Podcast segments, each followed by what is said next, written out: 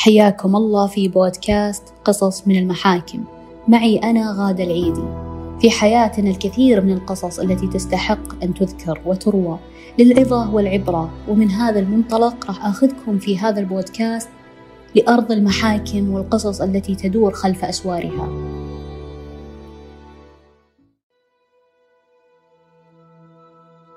على مدار سنوات طويلة تعلمنا أن الزوجة هي السكن وأن الزوجة الصالحة هي سر زوجها وشريكة حياته الناجحة. وتعلمنا بعد أن للبيوت أسرار ما تسولف فيها إلا الردية واللي ما تستحق رجلها. قبل لا أبدأ بقصة قضيتنا أرجع أنوه أن جميع الأسماء المذكورة في هذه القضية لا تمت للواقع بصلة. في الرياض تحديدا وداخل بيت ناصر وهدى. زوجين عندهم ولدين بعمر التسع سنوات. زواج ناصر وهدى كان تقليدي جدا ومن تعارف العائلات.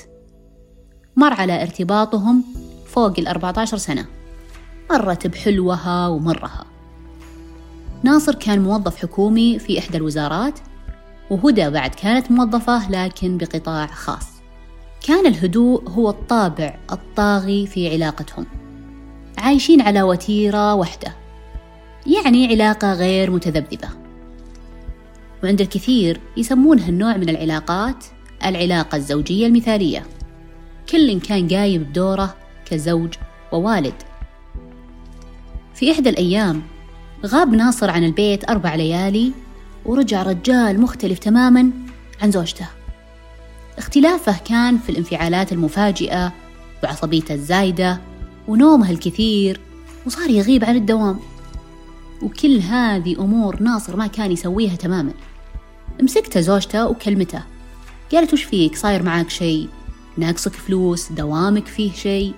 قال لها لا تتدخلين وخليك بالعيال وشغلك. طبعا هذا الأسلوب وهذه الإجابة كانت صادمة بالنسبة لها لأن ناصر ما قد كلمها بهذه الطريقة. لكن طبعا بحكم العلاقة والمودة تلمست له العذر وتركته بحاله. بعد أسبوع تغير ناصر زاد عن حده وصار يطلع على تعامله مع الأطفال. يقصر بمصروفهم وينسى يجيبهم المدرسة والطامة الكبرى إنه صار لسانه بذيء جدا مع زوجته وعياله. ويتلفظ عليهم بكلمات وأشياء ما كان يتلفظ فيها قبل. هدى كانت تحاول تكلمه لكن ناصر سكر الأبواب في وجهها عدة مرات. وهنا دخل الشك بقلبها. كانت تعتقد أن زوجها على علاقة مع امرأة أخرى. وأنه طفش منهم وخلاص ما عاد يبغى العلاقة الزوجية هذه. فصارت تدقق على أفعاله وتحركاته بشكل أكبر. لحد ما جاء يوم وبغرفتهم تحديدا كان ناصر داخل يتروش وجلست هدى تفتش في أغراضه وملابسه. تبحث عن شيء ما هي عارفة وشو لكن قلبها كان ناغزها. وهي تقلب ملابسها فوق لتحت وتطلع هذا وتدخل هذا لقت بودرة بيضة ثلاث أرباعها منتهية. الكيس صغير ومبعثر واضح إنه مستعمل. في هذه اللحظة توقف الدم بجسمها وتصلبت رجولها وما عادت قادرة توقف. طاحت بالأرض وبكت. طلع ناصر من الحمام ومزاجه كان عالي ومروق. شاف هدى بالأرض يحسبها دايخة ويوم قرب لها إلا ويشوف البودرة بيدها. طبعا ناصر بدون أي مقدمات ولا نقاش رفع هدى من الأرض بقوة ورماها على السرير وضربها. قال لها اسمعيني أشياء الخاصة ما تمدين يدك عليها أبدا. وأي نقاش على هذا الموضوع أبرميك في بيت أهلك. خلك زوجة سنعة وابلع لسانك. المرعب في الموضوع إن فعلا النقاش من يومها تقفل ومر على هذا المشهد خمس شهور. خلال الخمسة أشهر هذه ناصر يوميا يصبح ويمسي زوجته بضرب وألفاظ بذيئة وتقصيره مع الأطفال يوم عن يوم يزيد. قالت هدى خلاص أنا بروح إجازة لبيت أهلي وباخذ العيال ويمكن يهدى ويرتاح بالي. قال لها اسمعي روحي باللي ما يحفظك لكن إن سمعتك تتكلمين عني أو متشكية لا تلومين لنفسك. راحت هدى لبيت أهلها كان باين على جسمها الضعف وقلة التغذية والإرهاق. أم هدى امرأة كبيرة بالعمر لكنها تعرف أن بنتها ما كانت طبيعية أبدا. سألتها يا بنيتي فيك شيء؟ زوجك مقصر معاك مسوي لك شيء؟ كانت الابتسامة من هدى أجوبة مختصرة على تساؤلات أمها. كانت تبغى تحمي زوجها وبيتها بس ما كانت تعرف هل صمتها صحيح أو خطأ. ومع ضغط أهلها عليها بالكلام خافت هدى إنها تتكلم ويرجع يضربها ناصر ويحرمها من العيال. لملمت أغراضها ورجعت البيت زوجها عشان ما يزل لسانها وتتكلم. ورجعتها كانت صدمة ثانية لها. دخلت البيت ولقت إن ناصر مسوي المجلس مفسدة. أخوياه كل يوم عنده والوضع تطور لحبوب وشراب فقررت إنها توقف عند حده وتهدده بالفضيحة. قالت اسمعني صبر وصبرت عليك. ضرب وأنت ما أنت مقصر معي. إهمال ومهمل عيالك وبيتك. مخدرات وتتعاطى قدام عيني. حقوقي الزوجية ما تعطيني إياها. الحياة هذه ما عادت تناسبني. وبما أن إحنا كلنا عيال ناس واللي تسويه ما يرضي ربك لو كملت بهالطريق أبى أكلم أبوك وهو اللي يتفاهم معك. وللأسف ناصر كان خوفه من أهله أشد من خوفه من ربه.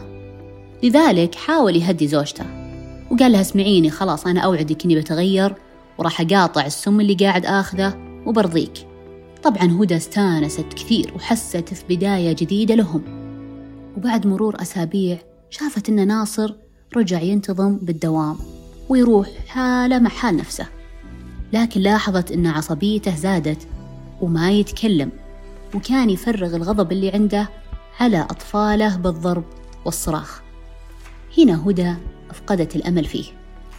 راحت كلمت أبوها وقالت له الموضوع كامل. أبو هدى هزأها تهزيء شنيع. ولامها على إنها فضحت زوجها وما استرت عليه وحسسها بالذنب والتقصير وقال لها فساد الزوج من زوجته.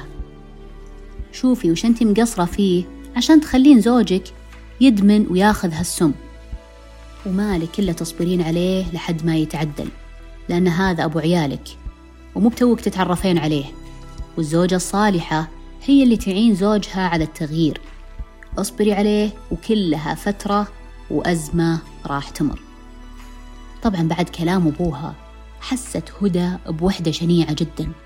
لا أهل داعمين ومصدقينها وفوقها يلومونها ولا زوج تستند عليه. وبين إيدينها طفلين يحتاجون رعاية وحنان وتواجد كامل. وما كان قدامها إلا أنها تصبر على أذى ناصر والإدمان حقه.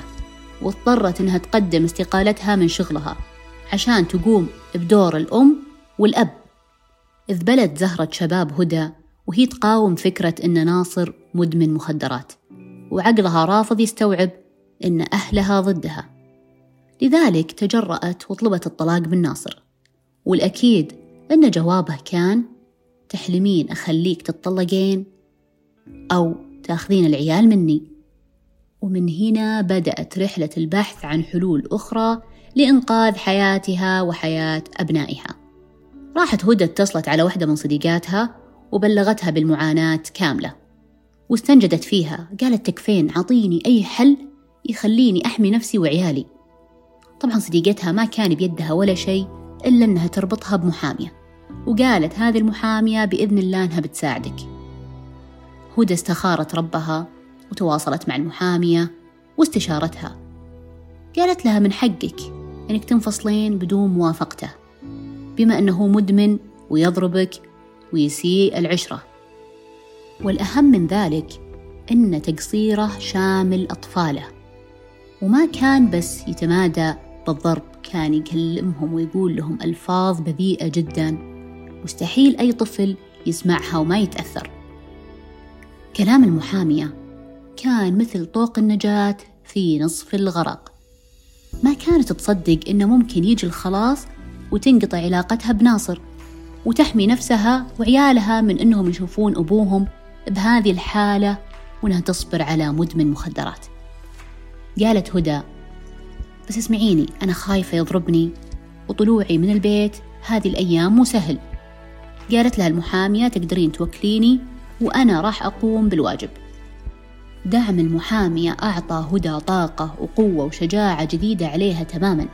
حست إنها الحين تقدر تسترد شبابها وعملها وحياتها وتطلع من الظلام للنور.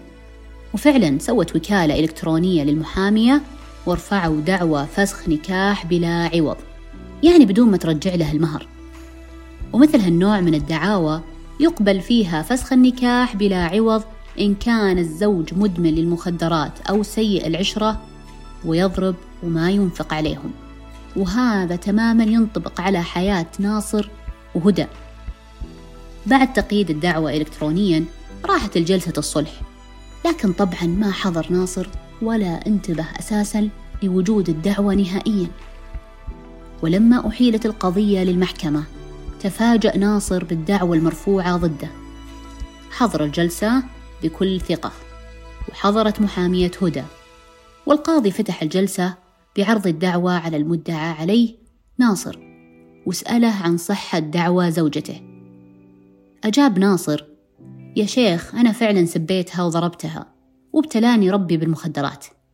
لكن أنا الحين أعلن توبتي وكون إني أطلقها هذا أمر مستحيل. إلا إذا تنازلت عن حضانة أولادي لي. قال له القاضي ما يحق لك تشترط هذا الشرط. وأنت الآن أقريت بتعاطيك للمخدرات وضربك لزوجتك. هل هذا الأمر صحيح؟ أجاب ناصر نعم يا شيخ لكني أعلن توبتي. ورفعت الجلسة للجنة وللمداولة. وفي الجلسة الثانية حكم القاضي بما يلي. نظرا لكره المدعية للمدعى عليه وعدم استقامة الحياة الزوجية ولوجود سوابق مخدرات على الزوج وإقراره بذلك. فقد قررت وحكمت بفسخ نكاح هدى من زوجها ناصر دون عوض. وتمت المصادقة على الحكم.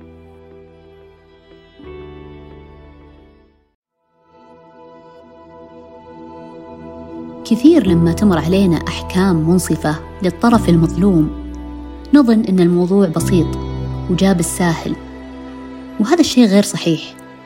هدى فقدت الأمان والدعم من أقرب الناس لها بس حصلت على دعم واحتواء من صديقتها والمحامية. لذلك دايم لما تنقطع فيك السبل ابحث زين وفتش يمين ويسار. يمكن تلاقي نور خفيف وبعيد. يطل عليك. يكون نوره يغطي ظلامك. في الختام لا تصبر على المر بس لأنه بيمر. حياتك تستحق.